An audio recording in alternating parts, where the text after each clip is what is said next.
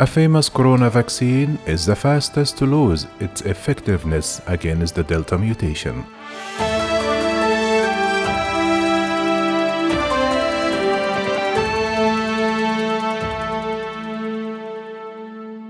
A new study from the United Kingdom showed the effectiveness of the Pfizer-BioNTech vaccine diminishes faster than other when it counter a high variant mutation of the coronavirus, such as the Delta variant. The study comes at times when several countries, including prominent users and early adopter of Pfizer vaccination, such as the United States and Israel, announced they will provide their dosage of coronavirus vaccination, the so-called booster dosage.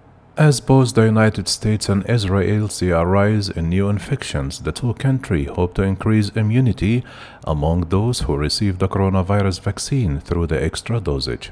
According to the summary of the result of the study published by the independent newspaper and seen by Hashtag اليوم, the Pfizer vaccinations was 90% effective against corona infections caused by Delta variant a month after second dosage. However, this percentage declined to 85% after 2 months and 78% after 3 months, a loss of 12 percentage points.